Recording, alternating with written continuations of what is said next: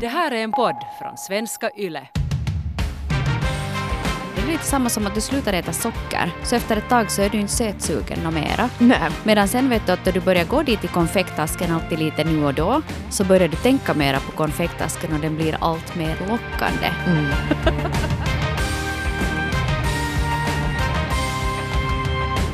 666, the, number, of the beast. Nej, inte så illa ändå. Nej, inte nödvändigtvis, men det kan ju nog ibland kännas som att sex är som ett stort monster eller ett sånt här spöke som hoar omkring i rummet utan att någon egentligen riktigt vet vad man ska göra av det där eländet. Nej, det är ju så. Man på något sätt ändå, jag tycker det är mycket sånt här också. Julen är väldigt sexy. Så därför säljer vi nu röda spetsunderkläder överallt och sådär. Och det ska vara lite hoho och kul och så. Det är inget fel på det alls men Uh, ja. Det är jättesvårt att köpa underkläder till någon annan som passar. Ja, jag vet inte och det brukar bli så rätt om man köper dem i present i alla fall. Men Mm. det är ju alltid fint att man får ett kvitto på hur man ser ut i sin partners eh, fantasi. Mm, Eller hur de önskar att man skulle se ut i deras fantasi. Kanske det är mera det. Jag fick Ja. en gång en morgonrock av Jonas i storlek XXL.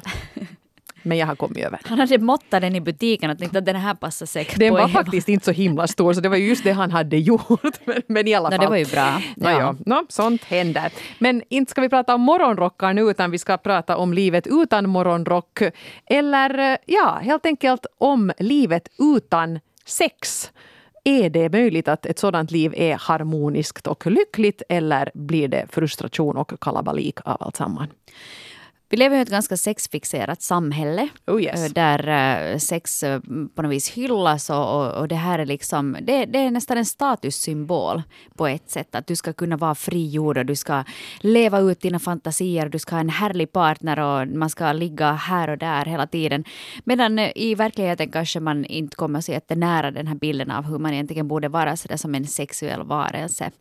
Många säger just det här att vi känner inte igen oss i det här. Att jag är inte den där eh, på reklampelaren och jag känner inte igen mig i det här jättesexiga, heta livet. Men så måste det ju finnas liksom ändå ett liv som kan vara väldigt tillfredsställande trots att man inte håller på att du svingar i, i takkronan dag ut och dag in. No, det vill man ju gärna hoppas i alla fall. Jag har funderat lite på det här. Vi återkommer ju hemskt ofta i den här podden till Sex and the City tv-serien som har präglat vår, vår uppväxt. Och, och jag tror ju att det, blev, det var en sån här vattendelare i det att i och med Sex and the City blev det mer okej för kvinnor att vara öppna med sin sexualitet. Och jag menar någon sån här som Samantha som, som var sån här ständigt sexhungrande och, och experimenterade och hade en massa partners och sådär. Eh, hon på något sätt satt ju hela den här slampstämpeln på skam utan kolla vad härlig hon är som vågar göra allt det här. Och det var kanon. Men jag tror också också att det som den serien förde med var att det blev ännu mer ett litet tryck på det här att är du en modern och underbar kvinna så ska du vara väldigt, väldigt sexuell. Eh, Det tycker jag man ska vara, men för de som inte känner alls igen sig i det där, det kan hända att de känner sig mera utanför och underliga än någonsin. Så jag tror att vi har gått framåt på en, ett plan. Sex är inget tabubelagt, det är någonting män och kvinnor alla kan prata öppet om och diskutera och så här. Inget skämmigt med det. Men de som inte är så intresserade, de har lite fått ta smällen av det här tror jag. Ja, och sen tror jag också att, att alla de människor som går omkring, eh, som lever ett liv där sex inte har egentligen någon större funktion överhuvudtaget, eller man kanske inte har sex överhuvudtaget, så de blir ju lätt ganska utanför hela den här diskussionen.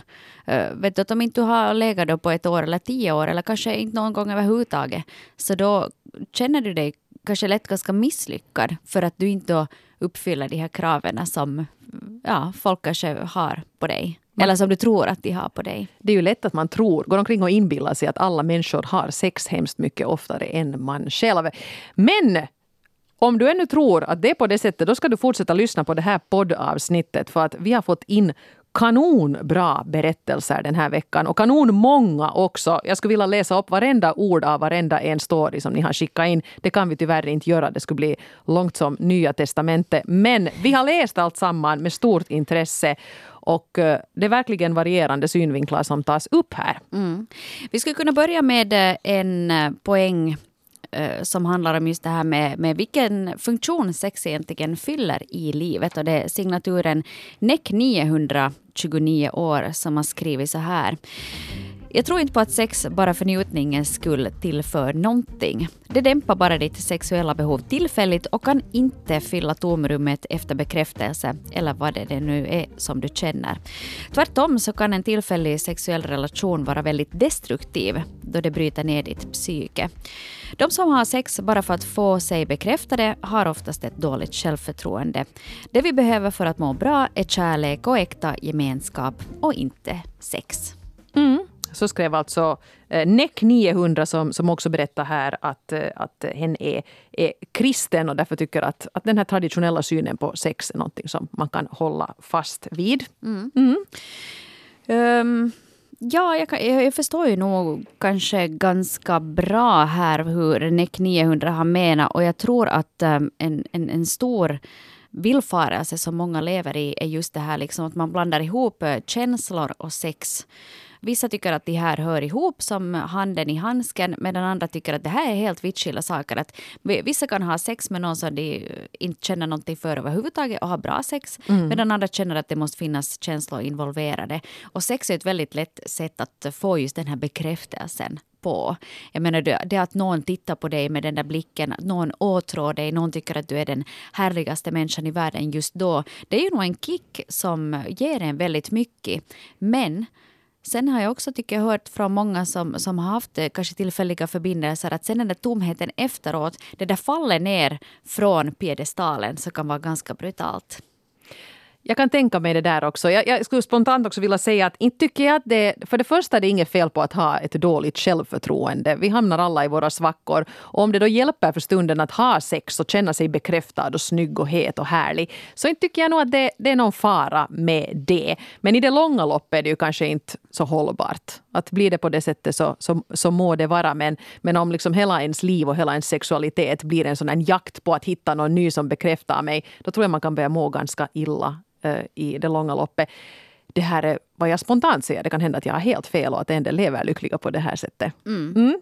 Men i alla fall, en helt annan synvinkel så kom då från signaturen Let me confuse you 33 som börjar med att konstatera att det här är en person som aldrig har varit intresserad av sex eller förstått vad hypen kring det är hela är. Och skriver så här. Det tog mig väldigt, väldigt lång tid att komma fram till vad som var så att säga fel på mig. Det är väldigt få som ens känner till att man kan vara asexuell. Men vi är många. Vi finns från alla åldersgrupper och över hela världen med olika bakgrunder. Och det betyder ju inte att det är något fel på oss. De flesta är helt normala, friska människor. I en del fall har man till och med blivit testade och fått det här konstaterat. Och det var ju inte bara så att jag bestämde mig för att jag är asexuell. Jag kände genast igen mig när jag läste andras tankar om det här, men det tog flera år av påläsning och soul searching innan jag kunde konstatera att det tydligen är asexuell jag är, och där med det.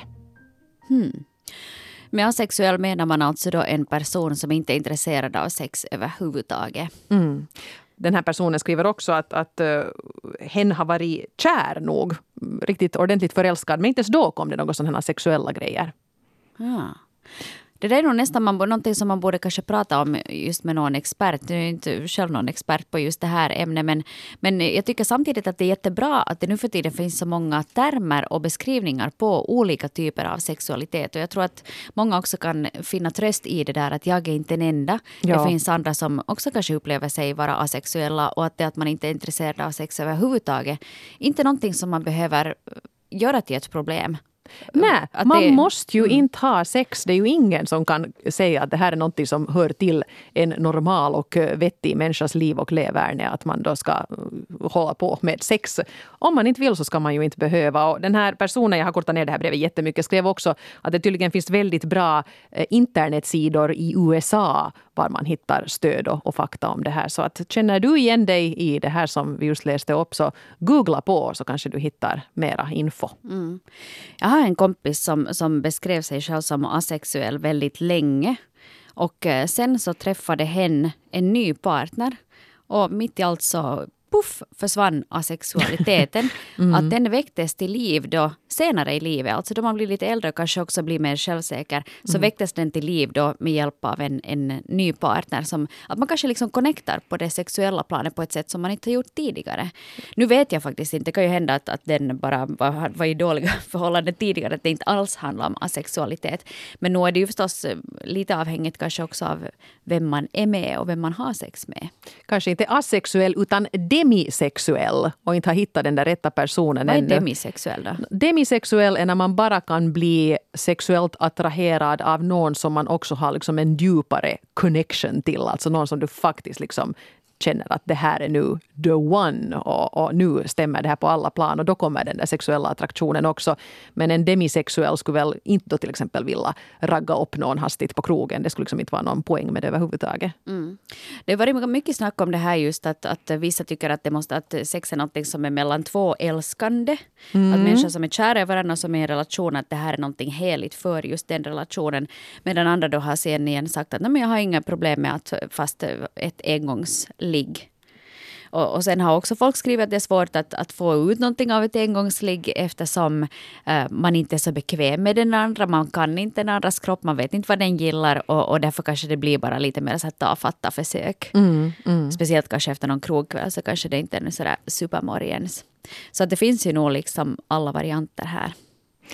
Det gör det. Uh, här skulle vi kanske kunna hoppa över till signaturen Snart 40 som uh, skrev kort och gott så här. Min fru är inte intresserad av sex längre men hon är ändå min bästa vän och jag vill inte lämna henne nu när barnen är små. Så för att få det jag behöver träffar jag en annan vid sidan av. Jag vet att det är helt fel men jag kan leva med det. Intressant. Ja, ja. Och nu, nu alla är sådär, har redan höjt sitt dömande finger. Jag kände också inom mig själv bubbla en sån här en liten ilska att hur täcks du? Men, men samtidigt så vi är ju inte här för att, att döma någon. Och kanske det är det här som behövs just då. Men jag, jag, jag måste säga att jag, jag tycker inte att det är schysst att föra din partner och mamman till dina barn, någon som du anser vara din bästa vän bakom ljuset på det här viset. Jag, jag, jag tycker inte att man behandlar sin bästa vän på ett sånt sätt att man ljuger för dem, att man bedrar dem. Jag förstår att du får ditt sexuella behov tillfredsställt på ett annat håll, men samtidigt så tycker jag nog ändå att det känns väldigt, väldigt fel i min bok. Mm, ja, nej, man, ja, som sagt, vi vet mycket lite om den här situationen men nu skulle det på något sätt kännas trevligare att då köra med öppna kort. Säga att är det faktiskt så att vi aldrig mera kommer att ha sex så så kommer det här att kännas hemskt för mig och i så fall så borde vi kanske ha någon sorts överkom, överenskommelse att jag får eh, vänsterprassla eller vad man nu då, hur man vill formulera det. Mm. Men just det där att ständigt gå omkring och, och lite hymla med en sån här älskarinna då, eller vad man nu sen har.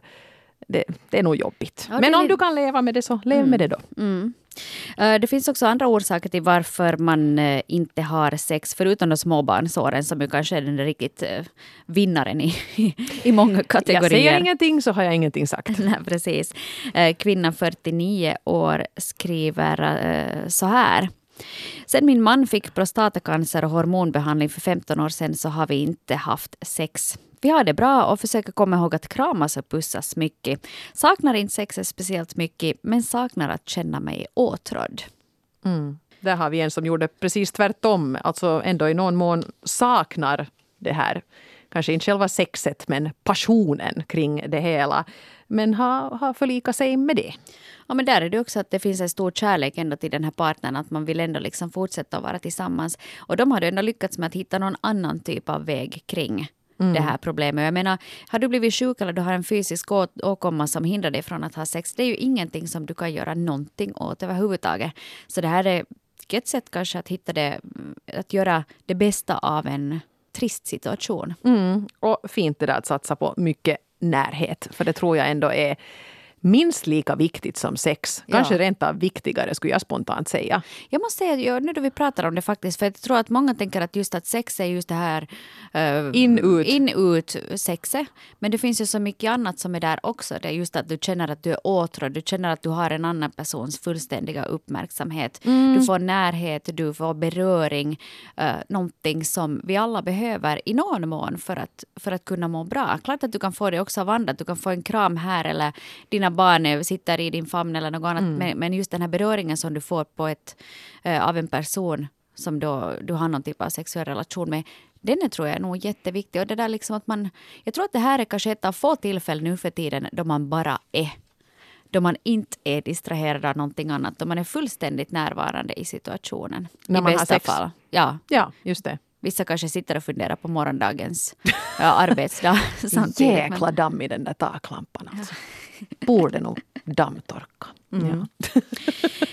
Singelmamman med eh, specialbarn har, har skrivit också in till oss och jag tror att, att ähm, det här scenariot är någonting som eh, många eh, kan känna igen sig i.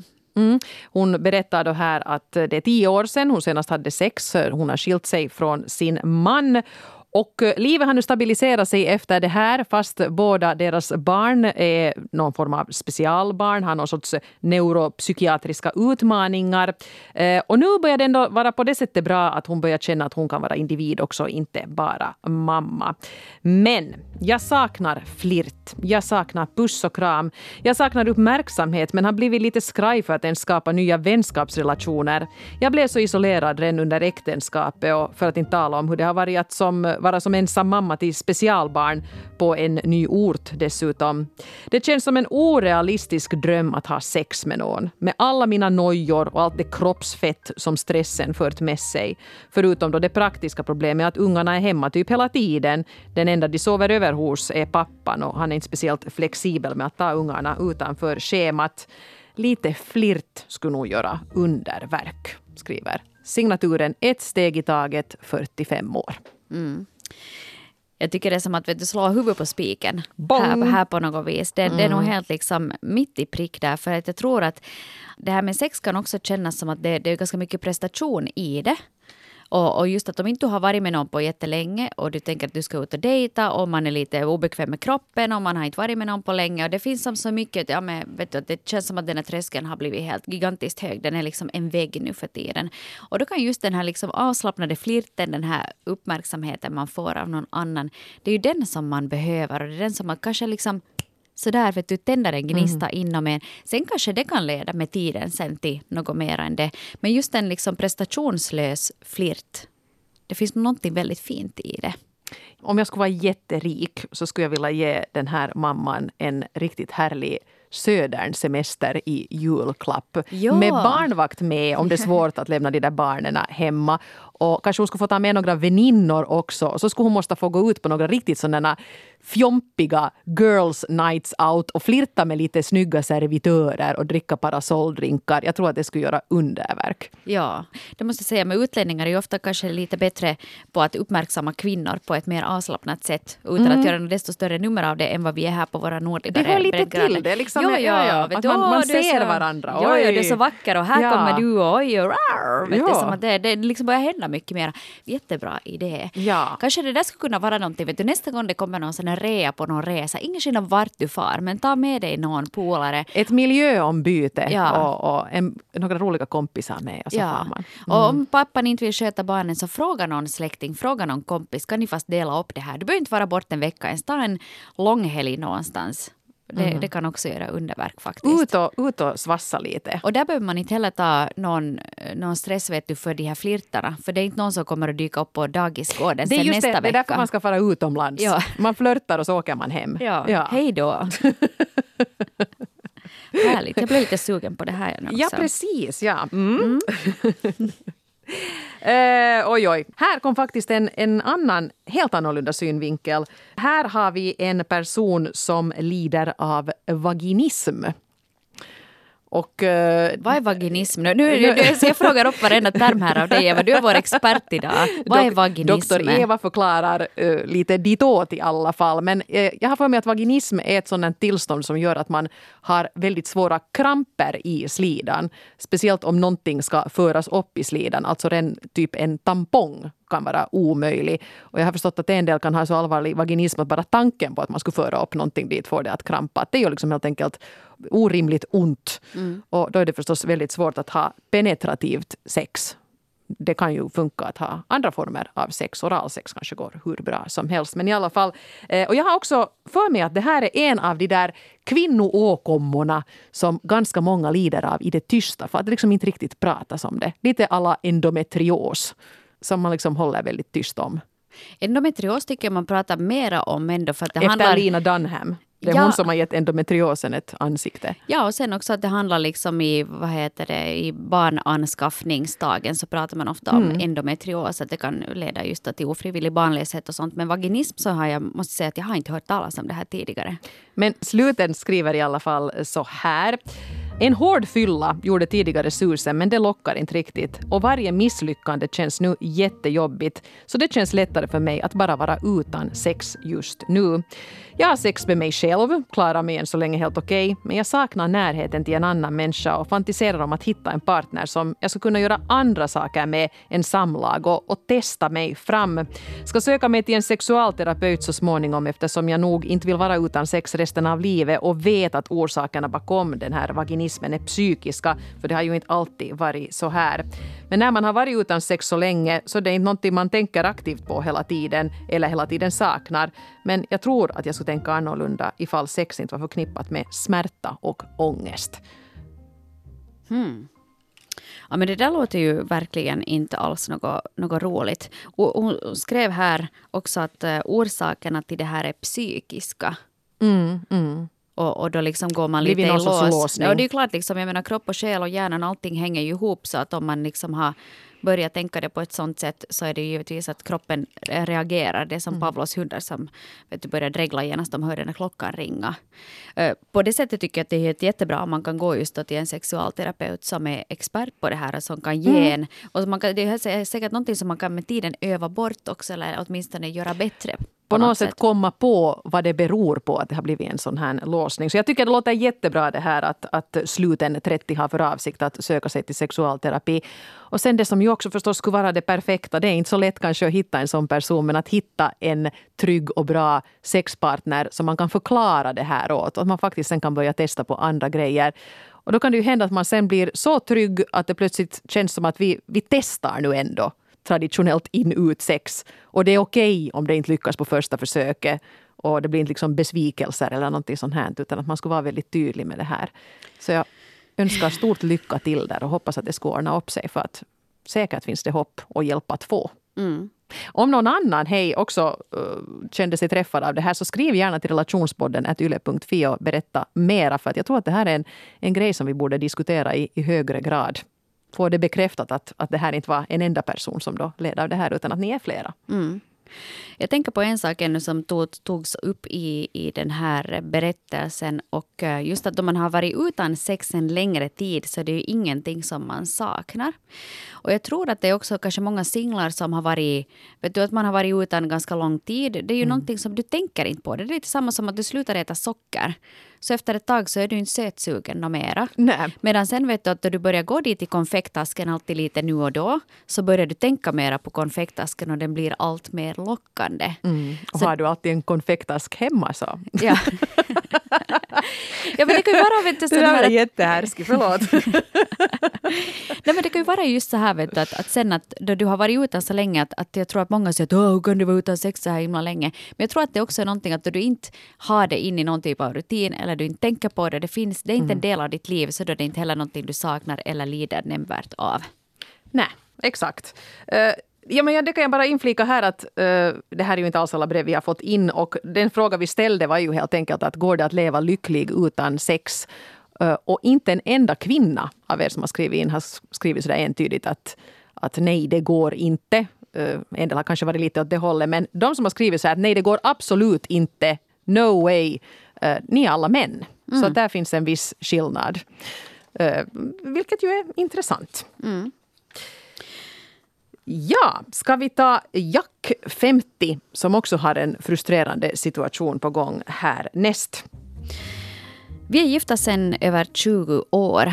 Min fru har varit väldigt passiv till att ta initiativ i sängen.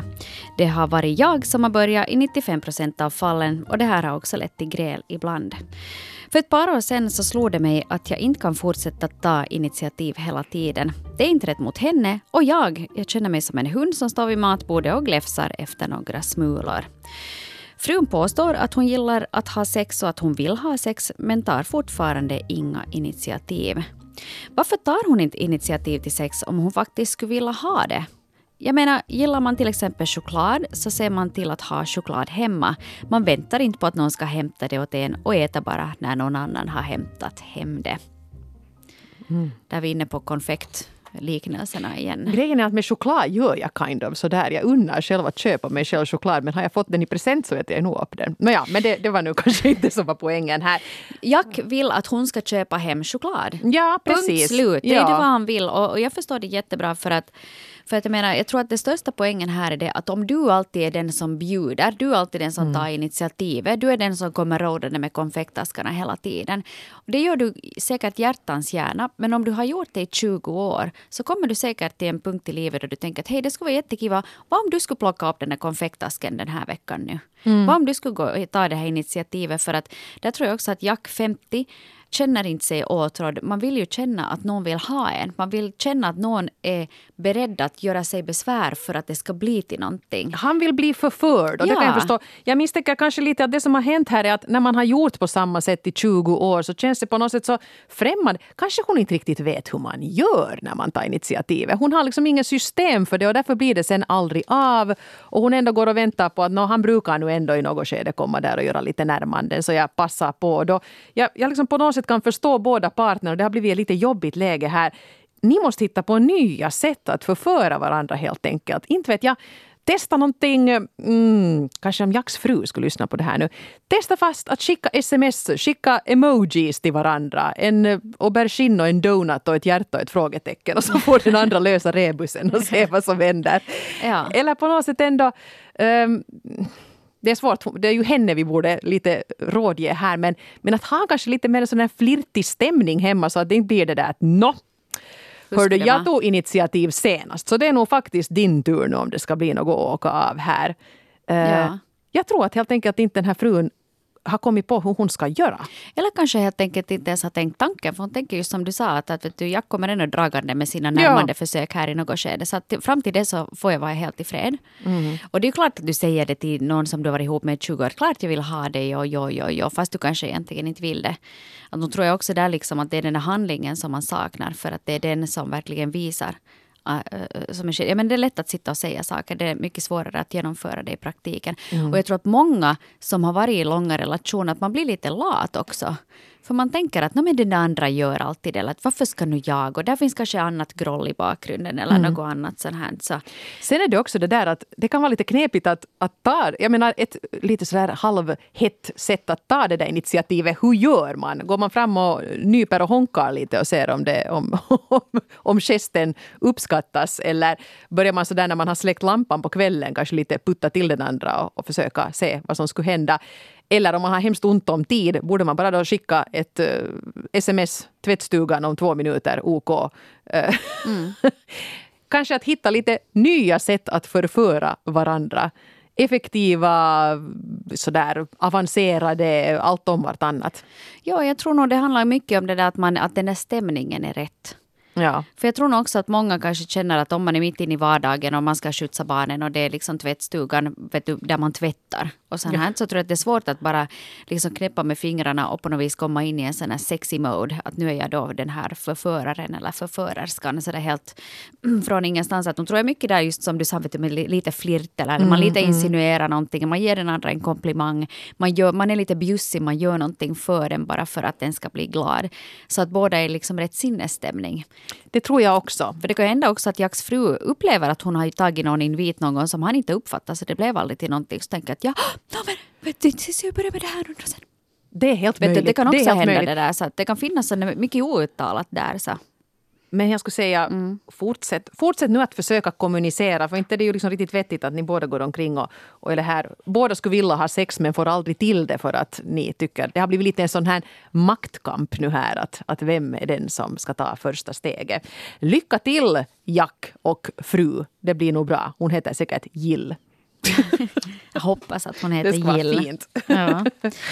Hej, ännu ett eh, brev skulle vi kunna ta och hinna med här på slutrakan. Det här var kanske det mest frustrerade brevet som vi fick in här idag och det kommer från signaturen Utan sex och närhet i över fem år och är 40 plus som berättar att tidigare hade den här mannen och eh, partnern sex ganska ofta men efter barnen så blev det sen tvärstopp. Jag har flera gånger försökt ta upp ärende men utan att nå resultat. Vi har också gått i parterapi men när jag tog upp saken där så förbisågs hela grejen. Vi skulle fixa grunden först och sen först det där med sexet. Men jag tycker ju att sex och närhet är grunden i ett förhållande. Vi talar helt för lite annars också. Blir liksom aldrig något när jag försöker tala om något annat än vem ska föra och hämta barnen och vad ska vi äta imorgon.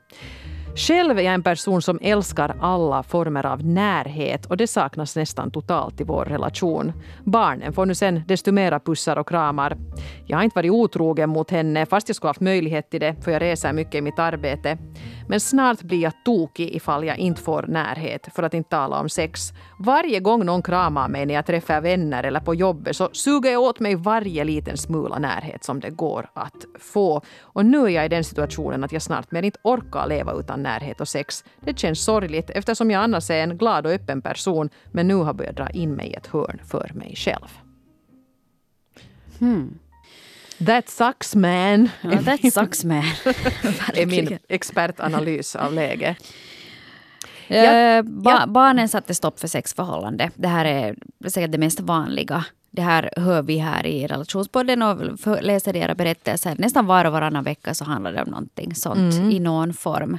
En där skriver också in att det kan vara så här en tid men att det vänder. Ett sånt brev fick vi också den här veckan. Det hinner vi inte upp här. Men, men någonting händer där mitt i allt och så börjar de igen på ny kula. Så att det är möjligt det också. Ja, och där är det verkar det ju nu vara så att den här eh, mannen då vill ha sex och, och jätte liksom närhetstörstande medan frun verkar klara sig med närhet och uppmärksamhet från barnen. Nå, nu kommer det här ju till ett sånt läge att den här personen som har skrivit in är mer eller mindre desperat och överväger att skiljas.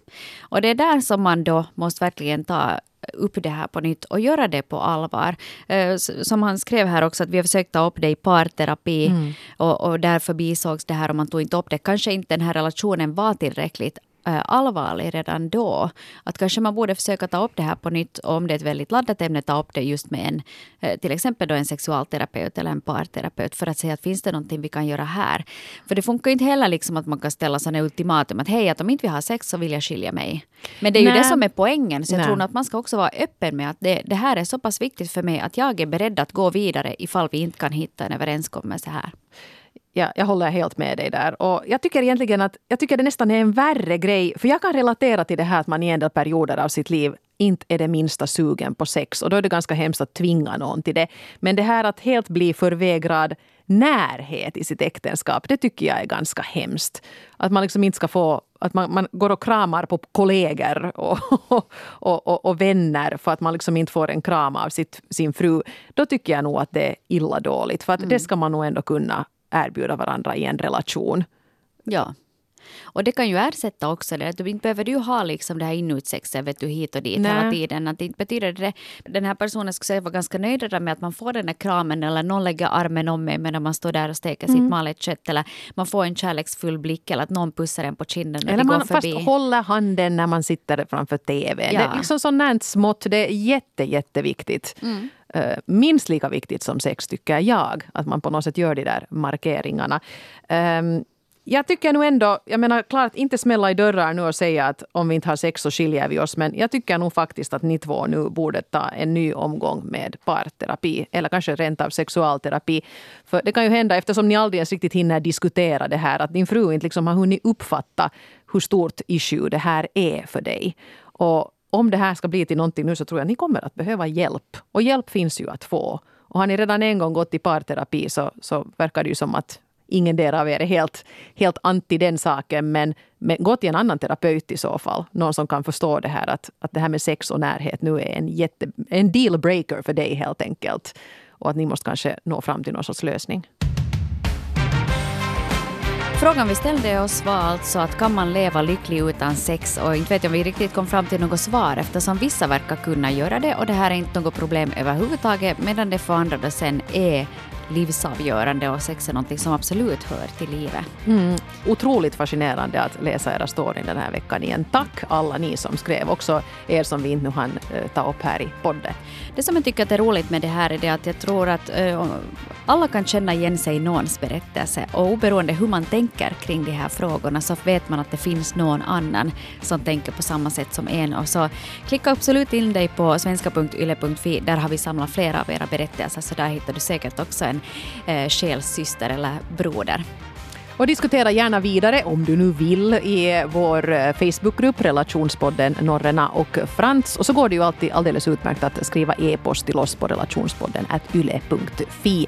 Och man är alltid helt anonym när man kontaktar oss förstås. Vi hörs igen om en vecka. Sköt om er. Hej då. Hej hej.